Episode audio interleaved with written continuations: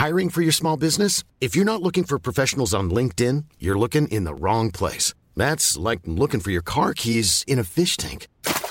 LinkedIn helps you hire professionals you can't find anywhere else, even those who aren't actively searching for a new job but might be open to the perfect role. In a given month, over 70% of LinkedIn users don't even visit other leading job sites. So start looking in the right place. With LinkedIn, you can hire professionals like a professional. Post your free job on linkedin.com slash people today. Hey there, it's Michelle Norris. I'm host of a podcast called Your Mama's Kitchen. When I travel, I'm usually looking for a way to find a taste of home when I'm not at home. And one of the things I love to do when I am at home is entertain. And Airbnb allows me to do that. When I was in California recently, I rented a house that had a great kitchen. And when we were sitting around the table, we we're all thinking, we're in someone else's house. Someone could be in all of our homes as well. If you have a home, but you're not always at home, you have an Airbnb. Your home might be worth more than you think. Find out how much at airbnb.com/slash host. Kära lyssnare, vi finns ju numera inne i podme appen. Det har du väl kanske inte missat, men om du nu har gjort det så ja, det är där vi håller hus. Och där kör ju vi på som vanligt, Parisa, varje vecka med olika spaningar, grejer som vi måste få snacka om, diskutera saker som händer i samhället och kanske också för oss själva privat. Ja, exakt. Och inte bara som vanligt. Där finns vi med ny energi och en helt annan frihet, känner jag faktiskt. Mm.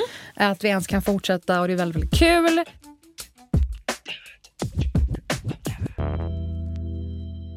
Alltså om vi bara ska landa i vad vi har avhandlat senaste veckorna bara. Ja. Det känns overkligt att det här bara är några, några få veckor.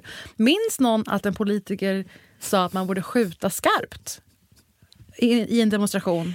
Det hände faktiskt på riktigt. Det är ja. lätt att eh, det bara har liksom seglat iväg nu mm. till förmån för andra saker som tar vår uppmärksamhet. Till exempel eh, Heard versus Depp-fallet. Ja. Där vi ju kanske inte så mycket fokuserar på just vad som har hänt dem sinsemellan. Nej. Utan kanske mer folks reaktioner på det, hur vi pratar, hur vi förlöjligar mm. eh, kvinnor som har blivit utsatta för våld. Eller vad de i alla fall säger att de gör och mm.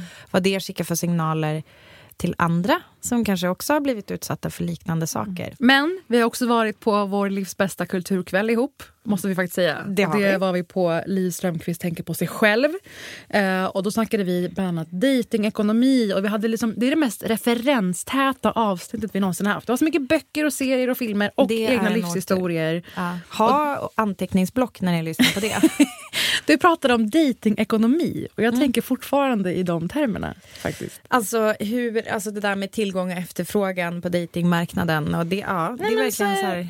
Är din vara bättre än min? Ja också. Jämföra. Alltså det var så på, intressant. Att det är som att, att datinglivet är som att vara typ på Pricerunner eller prisjakt.se. Mm. Typ.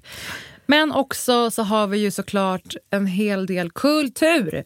Den bästa läsningen, det är tv-serierna, det är filmerna. Från liksom pinsamma killar i Northman och Batman till, till sommarläsningen. Ja, sommarläsning. Jag skulle också tipsa om... Du har ju sett en otrolig science fiction relationskomedi. What? Vem vet? Eh, jag tipsar om en film som för en Disney-publik eh, skildrar den första sexuella upplevelsen. Typ. Första lilla gnugget. Själv, självsexuella. Första lilla, lilla självgnugget. Absolut. Väldigt, väldigt roligt. Och den här sommaren återuppstår sommarspecialerna. Så vi laddar för fullt för det. Det kommer alltså komma specialavsnitt där vi har med oss väldigt eh, uppskattade, säkert kända kan de vara kända? Ja, det är de. De är nog alla kända. Ja. ja. Namnkunniga, som det heter. Och det blir ett jävla åk. Så ni som älskade avsnitten förra året, välkomna igen. Mm. Och med de orden, mm. ska vi lyssna lite? Eller? Vi lyssnar lite. Så här har det låtit senaste tiden. Kul att ni är med! Liv Strömquist tänker på dig är ju den allra första där delar av den här eh, ensemblen var med, alltså originalensemblen. Mm. Och är... alla, alla fyra som var med i originalensemblen var nu med här också. Exakt. Sen har de fått Och dessutom fått sällskap av Lotta Telje, William Spets, Per Svensson. Men eh, till tre till tror jag, mot, mot första. Jag vet inte vad de andra... De, du sa de jag kunde. Den är alltså framtagen av Liv Strömquists tematik och verk och värld eh, blandat från olika böcker. Och den här föreställningen tar tydligare avstamp från just Den rödaste rosen slår ut. Som alltså är Liv Strömquists närgranskning, uppgörelse med vissa föreställningar om romantik och kärlek och parrelationer mm. i vår tid. Och det som är intressant med titeln är ju då också att den heter ju inte Liv Strömquist tänker på eh, partnerskapet, utan den heter ju Tänka på sig själv. Eh, så det finns ju väldigt mycket med att det kopplar så här, vem, vem, mm. hur, hur finns jaget till exempel i parrelationen eller den här ständiga jakten efter kärlek. Mm. Jag läser i Svenska Dagbladet som har då recenserat den här 2020, så det är ju inte liksom nystarten men ändå samma form eller samma eh, teman där de skriver så här. Kärleken eller längtan efter den stora passionen är ändå huvudämnet. Strömqvist driver flera teser. En är att människan idag, skadad av varutänk, älskar mer ytligt, liksom tafatt. Vi har lyckliga bilder mer än själs själsliga möten. En annan tråd är rädslan för förälskelsen som beror på uppgivandet av det egna jaget. Den som totalt älskar en annan får också en aning om döden. Och det här tycker jag var så fruktansvärt intressant. Alltså längtan efter den stora eh, personen. Eh, att man är skadad av varutänk i det där. Alltså kommodifieringen av relationer brukar man prata om. Att vi ser på varandra som eh, med varumärken, vi ser på varandra som varor att införskaffa eller äga. Mm. Att vår, vår samtidsuppfixering eh, egentligen av det här går igen i relationer. Mm. En väg in i det här är ju då en scen med en stol. Mm. Där det är en... Ehm, ja, alltså det är en, en vanlig hopfällbar röd stol som de använder. Det är den enda rekvisita som finns i den här pjäsen, förutom, säger man ens pjäs? Alltså det mm, så massa havigt. stolar. Ja, stolarna är med här på scenen eh, och eh, ja, de får liksom eh, förkroppsliga olika saker. Men när de då tar tag, skådespelarna tar tag i stolen och berättar liksom vad man har betalat för den och vilket mm. bra pris det var. Men kan jag kanske få en bättre? Är den där, är den där snyggare? Eller får jag mer för bättre pris och så vidare? Eh, och, och, att det då också i scenen finns då paralleller mellan så här, konsumtionstänket då till mm. relationer. Jag kommer att tänka på lite så olika bokcitat. Jag samlar ju dem i en jättetöntig bokmapp. Mm. Uh, en, är från, en är från en bok som jag verkligen vill att du ska läsa av Jessie Klein. Ja. You'll grow out of this. Ja, men jag har ju läst 75 procent. Ja, roligt! Mm. För då, då, när du har läst den så ska vi babbla om den. Mm. Jag älskar ju den. Och en grej hon pratar om just standards.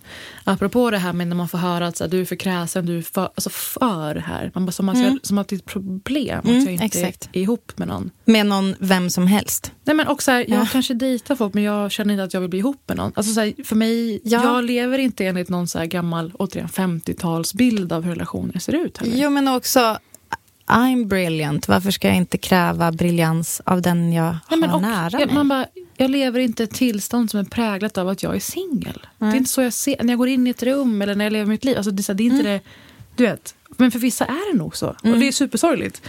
Hon skriver så här. Standards are something you accumulate over a lifetime of interacting with potential romantic partners and figuring out as you encounter new bullshit what is bullshit you will tolerate and what is undeniably dealbreaker bullshit. Det mm. kommer alltid finnas grader av bullshit. Frågan Verkligen. är bara vilken sort du kan tänka dig att stå ut med. På tal om liv och stolen. Ja. Att stå där med en stol som kanske har några liksom, skruvar och grejer som är lite knasiga. Mm. Bara, nej, jag vill ha en perfekt ny stol. Och så, mm. Men vad har du själv för skruvar? Vem fan mm. är du att kräva en ny stol?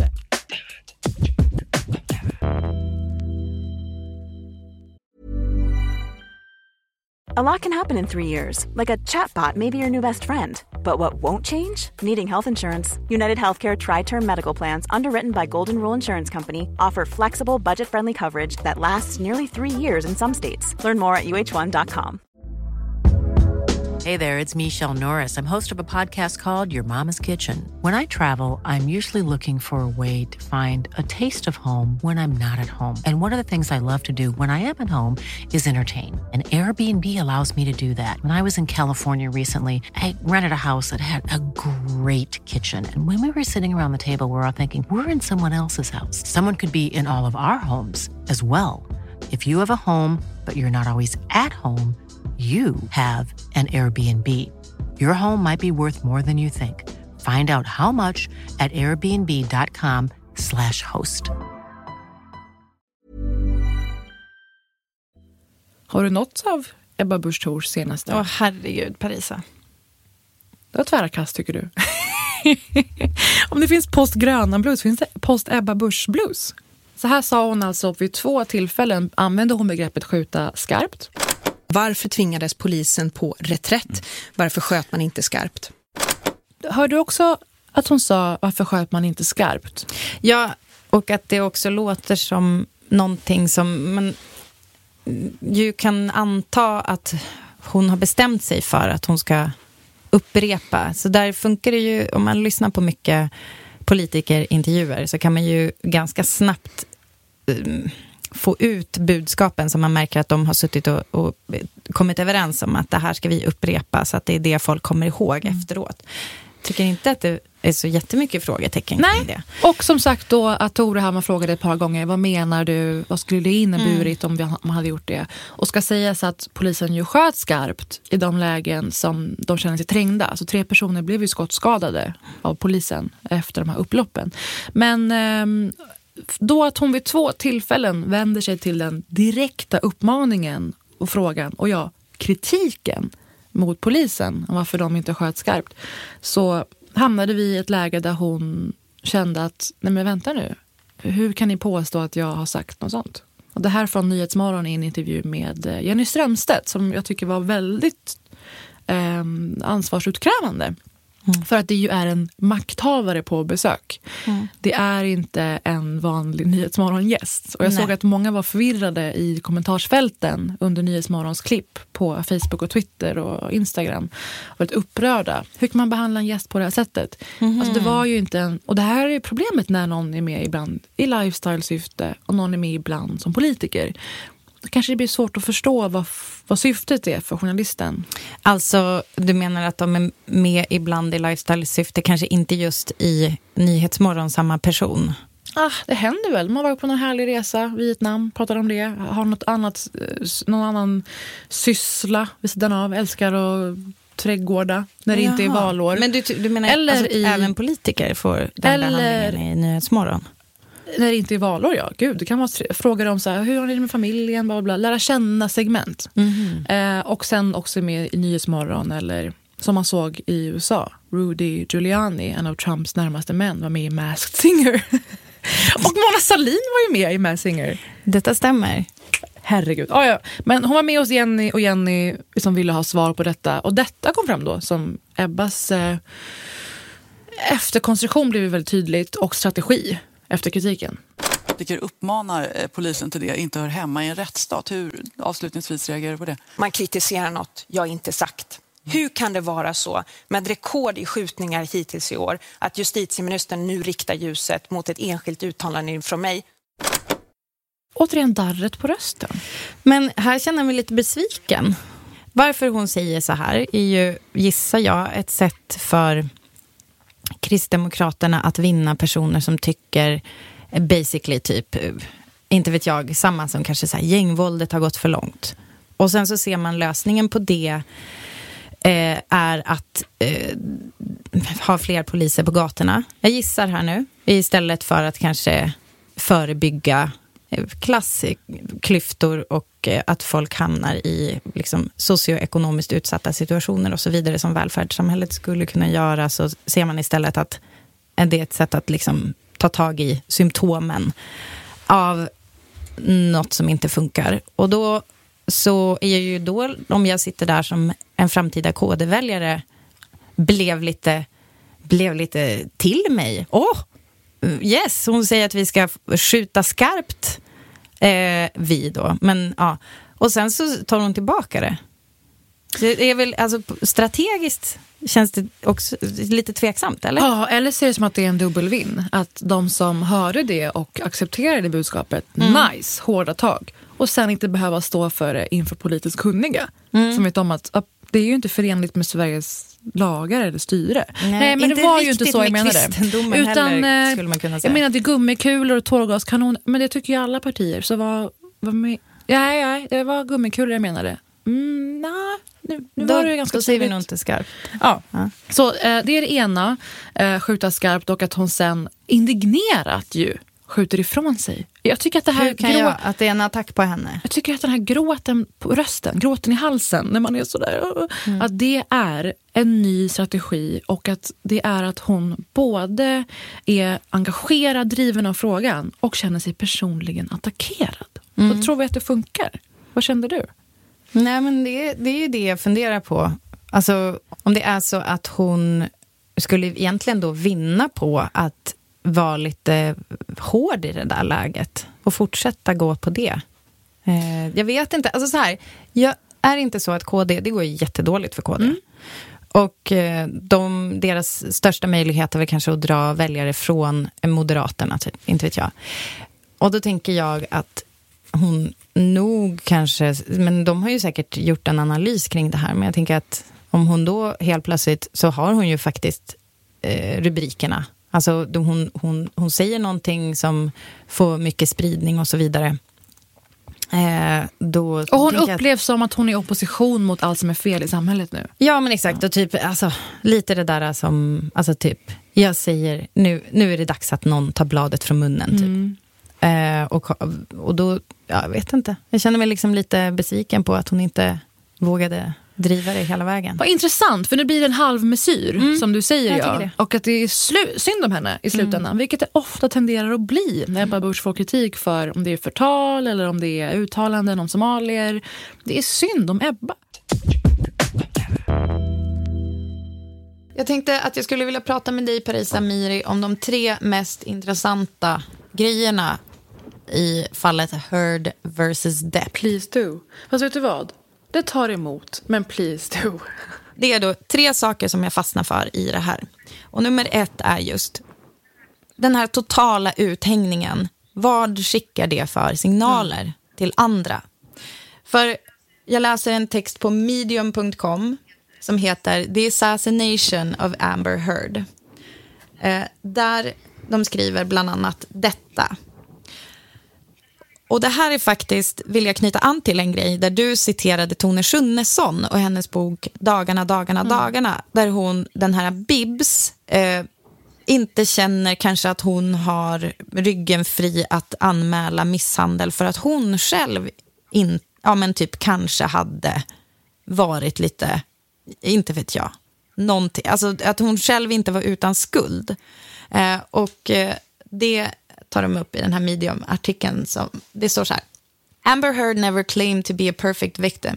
She never said she didn't fight back or hit Johnny. In fact, in her 2016 deposition, she, admit, she admitted to just that.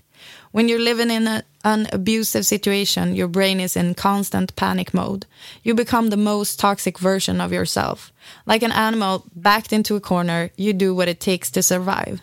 Amber was recorded saying to Johnny, Please, I'm begging you to stop. I feel like I have a heart attack almost every day. You're killing me.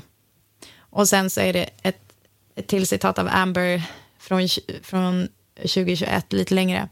If you were being strangled, would you or would you not try to save your life any way you could? Mm. Ask yourself if, if you would encourage your daughters or sisters to not try to keep their lives when someone was attacking them yet again. Mm. Och det som den här medium-artikeln avslutar med är följande. Search her name on social media and you will find endless quantities of misogynistic abuse and victim blaming. Other victims are seeing this and thinking no one will believe them either. Bear in mind how you speak about this trial and Amber in general. Every time you choose to call her a liar or a gold digger or an abuser, a victim you know will quietly decide they cannot trust you. Mm. Alltså jag får fan rysa det där. A victim you know För det, är inte, det handlar liksom inte om Amber Heard. Och absolut, hon kan säkert ha varit, inte vet jag, otrevlig, eh, använt droger, eh, liksom skrikit på sin assistent och så vidare. Alltså, grejen är väl den att när man håller på och pratar om det här så är det någon runt omkring oss. För vi vet också att statistiskt sett fortfarande det farligaste stället för kvinnor är att vistas i hemmet eller tillsammans med en partner, eh, ofta män då, eller typ alltid. Att de känner, de går redan med de här tankarna att de inte vill anmäla och så vidare. Eller det kanske inte är så farligt, han är ju så snäll när han inte slår mig, bla bla bla. Vi är inte en del i rättssalen eller i fallet vi kan kontrollera hur pass skadligt det här får bli för liksom backlashen, kulturen i sådana här frågor. Och det är det jag menar med att det här tillåts göras till allmänna sanningar om hur kvinnor är och fungerar. Och att det är livsfarligt för att det är så fruktansvärt ensidigt nu. Vi har en person som har varit hela världens älskling, en av världens största stjärnor i fyra decennier. Och han går upp emot en tjej som vi har noll eller ganska obefintlig vetskap om sen innan. Klart han har ett större sympatikapital, klart han tjänar på att det här sänds på nätet och kan göras stora memes av och allt möjligt. Och en person på Britta och Parisa som skrev till oss där, en följare, berättade om att hennes 11-årige son hade nåtts av memes om detta på TikTok. Så här sa hon.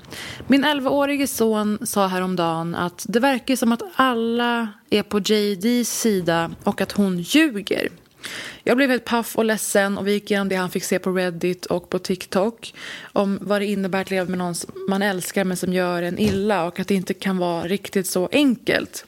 Det märks att han som bara är 11 och hans polare dras ner i detta träsk av misogyni. Hur påverkar såna här kampanjer av kvinnohat hans generation? Blir mm. rädd.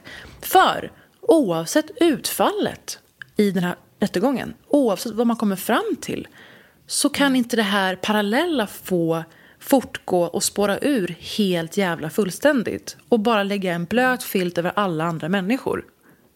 Det är det som är livsfarligt. Och inte bara för, som du säger, kvinnor som själva har erfarenheter av det här eller är fast i det här as we speak.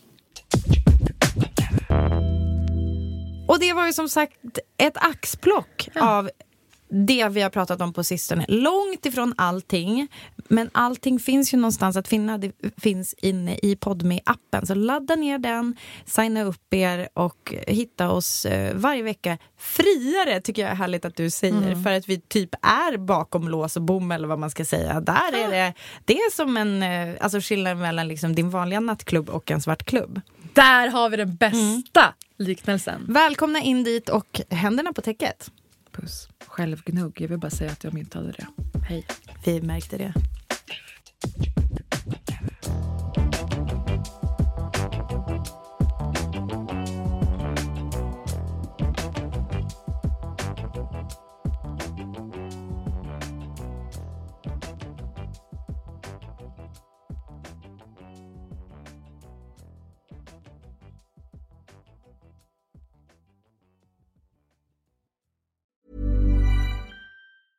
Even when we're on a budget, we still deserve nice things. Quince is a place to scoop up stunning high-end goods for 50 to 80% less than similar brands. They have buttery soft cashmere sweaters starting at $50, luxurious Italian leather bags, and so much more. Plus, Quince only works with factories that use safe, ethical, and responsible manufacturing. Get the high-end goods you'll love without the high price tag with Quince. Go to quince.com/style for free shipping and 365-day returns.